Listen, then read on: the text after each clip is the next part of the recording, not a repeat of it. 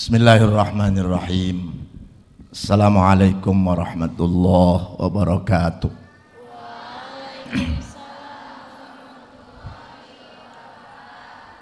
الحمد لله رب العالمين الصلاة والسلام على أشرف الأنبياء والمرسلين وعلى آله وأصحابه ومن تبعه إلى يوم الدين رب اشرح لي صدري ويسر لي أمري واحلل عقدة من لساني yafqahu qawli amma ba'du. Yang terhormat Bapak Menteri Agama Republik Indonesia, Bapak Kiai Haji Surya Dharma Ali MSI, Ibu Gubernur dalam hal ini yang diwakili, Bapak Bupati juga yang diwakili serta Bapak Kepala Kanwil Departemen Agama, Bapak Dr. Haji Ramli, para kiai, para asatid, teman-teman seperjuangan serta rekan-rekan dari militer dan dari kepolisian yang mudah-mudahan mendapatkan rahmat Allah Subhanahu wa taala. Anak-anakku santri dari El Qalam yang saya yakin kalian bahagia sebab hari ini kita kedatangan tamu yang mudah-mudahan ini menjadi walis wasilah untuk datangnya barokah Allah untuk kita bersama. Sebab di tengah-tengah kita terdapat para kiai, para pimpinan pesantren serta kepala-kepala sekolah yang kita undang. Mudah-mudahan ini juga bahagian yang jelas kita sudah diturunkan rahmat oleh Allah tadi walaupun sempat membuat beberapa ustadz pesimis karena ada hujan. Itu rahmat Allah yang luar biasa sehingga udara ini menjadi tidak panas. Bapak Menteri yang kami hormati, pondok pesantren ini didirikan tahun 1968 tepatnya pada tanggal 20 Januari bertepatan dengan hari ini milad yang ke-42 saya santri persama ingat persis pada saat itu 22 orang dimulai dengan dapur tua. Hibah dari kakak nenek Ibu Al-Hajah Pengki namanya. Perjuangan mengembangkan pondok pesantren ini tidak mudah, butuh waktu puluhan tahun. Alhamdulillah pada tahun 90 76 pondok pesantren ini dapat bantuan dari pemerintah Kabupaten Tangerang lewat APBD pada saat itu bupatinya Pak Muhdi sebesar 3 juta 750 ribu rupiah. Pada tahun 80 berkat tanda tangan Kiai Haji Muhammad Nasir pondok pesantren ini dapat bantuan dari kerajaan Saudi Arabia 64 juta rupiah Demikian pula pada tahun 83. Pada tahun 1997 Alhamdulillah Departemen Agama memberikan gedung keterampilan dengan isi dan gurunya. Cuma sayang gurunya kemudian diizinkan untuk pulang atau pindah ke tempat lain sebelum proses pembelajaran itu sempurna. Pada tahun 2007 kemarin kita juga mendapatkan bantuan dari Departemen Agama 500 juta rupiah yang sudah kita bangunkan program madrasah berbasis internasional. Kalau tidak terhalang oleh rumah ini Bapak melirik ke sebelah kiri tidak dari situ kelihatan pintu gerbang madrasah yang akan kita inginkan yaitu berbasis internasional yang kita sebut Ah, kampus za izza. Walillahil azzatu wali rasulih walil mu'minin. Walakinnal munafiqina la Bapak-bapak dan ibu-ibu kami paparkan ini dengan harapan betapa perjuangan mengembangkan pendidikan di Indonesia ini tidak mudah. Butuh istiqamah dan mujahadah yang luar biasa saya sering terharu ketika mengenang ayah anda Allah marhamhu Abah Qasad Mansur ketika membangun gedung Al-Fatah Tahun 69 tidak ada semen sulit untuk kita temukan di tempat ini. Sehingga adukannya pakai kapur dicampur dengan batak merah. Rupanya ketidaksabaran pengen punya gedung menyebabkan kecelakaan.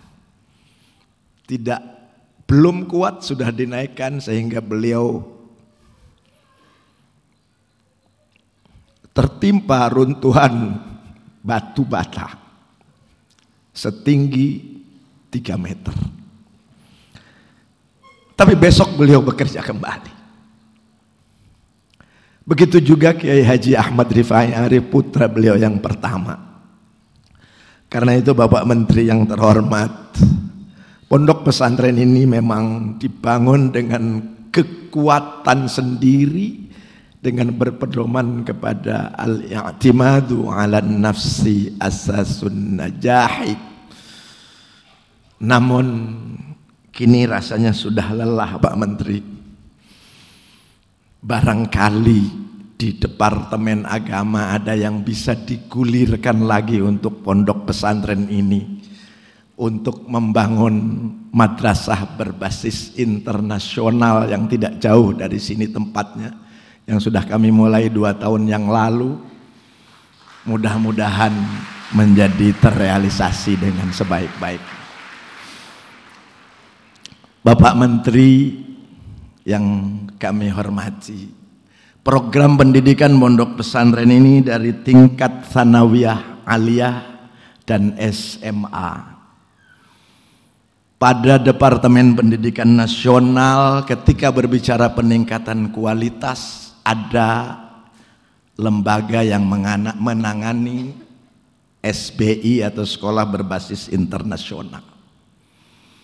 Di pondok pesantren ini sebenarnya terdapat anak-anak aliyah yang sekelas dengan anak-anak SMA dalam program RSBI. Namun sampai hari ini memang mereka masih numpang pada program RSBI walaupun mereka sebenarnya menjadi bahagian daripada program RMBI. Mudah-mudahan ini menjadi perhatian Bapak Menteri Agama sehingga pendidikan di bawah Departemen Agama bukan hanya sekedar sederajat tetapi memang dari sisi kualitasnya bisa dipertanggungjawabkan. Ada anak-anak yang sudah bisa bersaing dengan anak-anak insan cendikia Padahal program kami baru berjalan tahun ketiga, sementara insan cendikia sudah cukup lumayan lama. Dan ada anak-anak sanawiyah yang bisa mengalahkan Strada kalau tidak salah di Tangerang dalam Olimpiade Matematik Bapak Menteri. Itu anak sanawiyah karena memang mereka masuk dalam program khusus. Cuma sekali lagi mereka masih numpang di tempat ini pada RSBI yang kita arahkan pada saat itu memberikan kesempatan kepada anak-anak yang memiliki kemampuan dan memiliki keinginan untuk menjadi anak-anak yang berkualitas. Bapak Menteri yang saya hormati, sedikit saya bercerita mengapa program ini dibuka.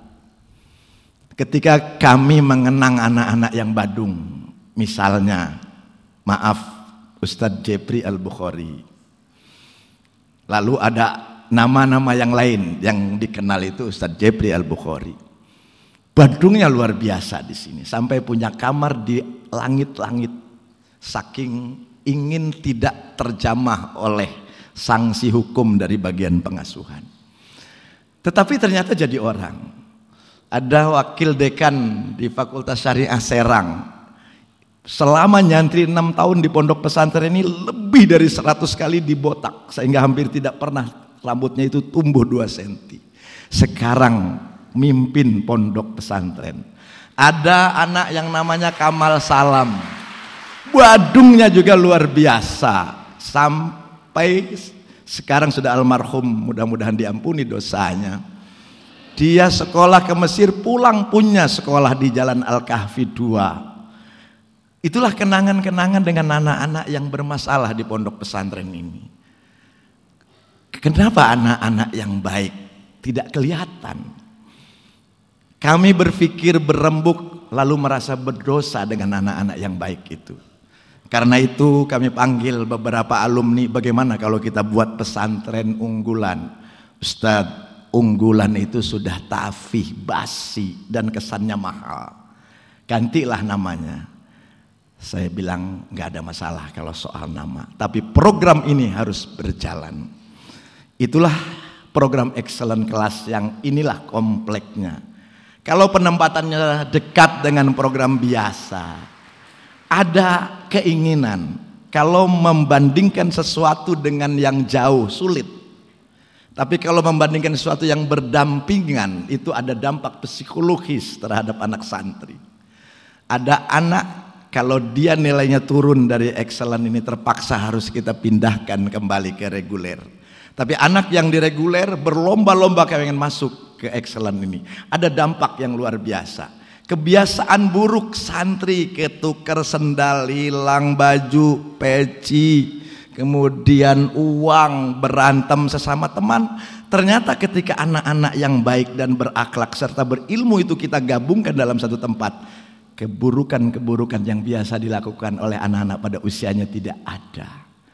Itulah salah satu kebahagiaan kami.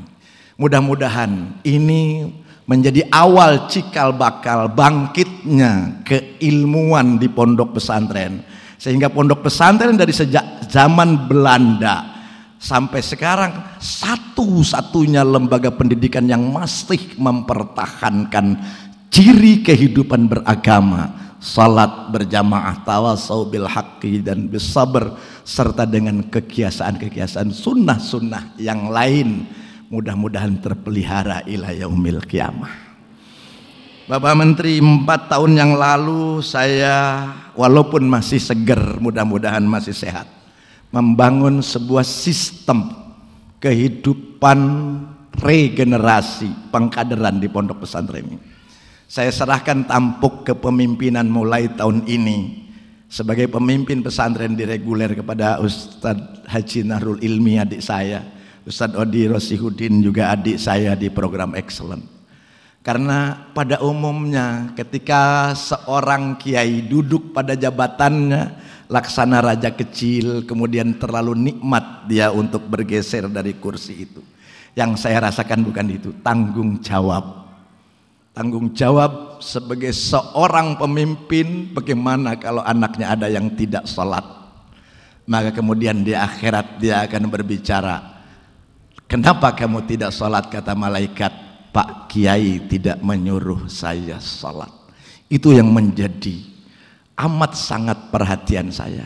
Karena itu kira-kira mudah-mudahan ini bahagian daripada menyebar tanggung jawab. Jangan saya terus yang diminta bertanggung jawaban oleh Allah. Ustaz Imat minta dong, Ustadz Odi minta dong, dan Ustadz-Ustadz yang lain. Karena itu saya kemudian sebarkan tanggung jawab itu kepada para asatidz.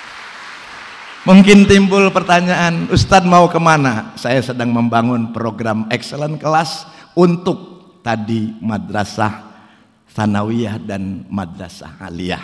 Sekali lagi Bapak Menteri, memang terus terang kami mohon dukungan Bapak Menteri.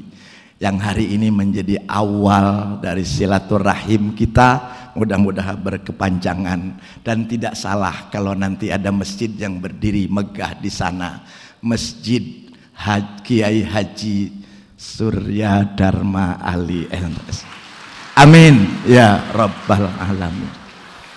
Pengen lama berbicara Pak Menteri. Saya sudah berbicara juga tadi dengan Kak Kanwil. Tolonglah buat proposalnya. Siapa tahu nanti di sini juga akan ada gedung perpustakaan Ratu Atut Khosyah. Tidak sulit semua itu manakala Allah mau menggerakkannya. Tinggal pembantu-pembantu saya, teman-teman para asatid ini segera buat proposal sebab Kak Kanwil tadi dengan Pak Asda juga sudah memerintahkan untuk membuat proposal. Tidak sulit insya Allah. Terima kasih Bapak-bapak, para kiai, para asatid, para kepala sekolah dan para undangan, saya mohon maaf hanya bisa menerima seperti ini. Mudah-mudahan Allah melimpahkan karunia dan barokahnya untuk kita semua. Karena Bapak Menteri ada acara maghrib di Jakarta, apa daya pengen berbicara dan minta banyak, tapi mudah-mudahan yang sedikit ini menjadi awal dari yang banyak di masa yang akan datang. Terima kasih para asatid, panitia, anak-anakku, kalian memang santri-santri yang baik Mudah-mudahan Allah memberkati kita semua. Kita doakan kesehatan Bapak Menteri, kita doakan semua umat Islam terlepas dari bahaya dan celaka serta cobaan. Kita doakan bangsa ini menjadi bangsa yang besar, terlepas dari gunjang ganjing politik. Hanya beberapa gelintir orang yang tidak senang. Mudah-mudahan Allah memberikan hidayah untuk kita semua.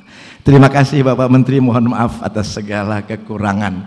Wabillahi taufiq wal hidayah wal afu minkum. Assalamualaikum warahmatullahi wabarakatuh.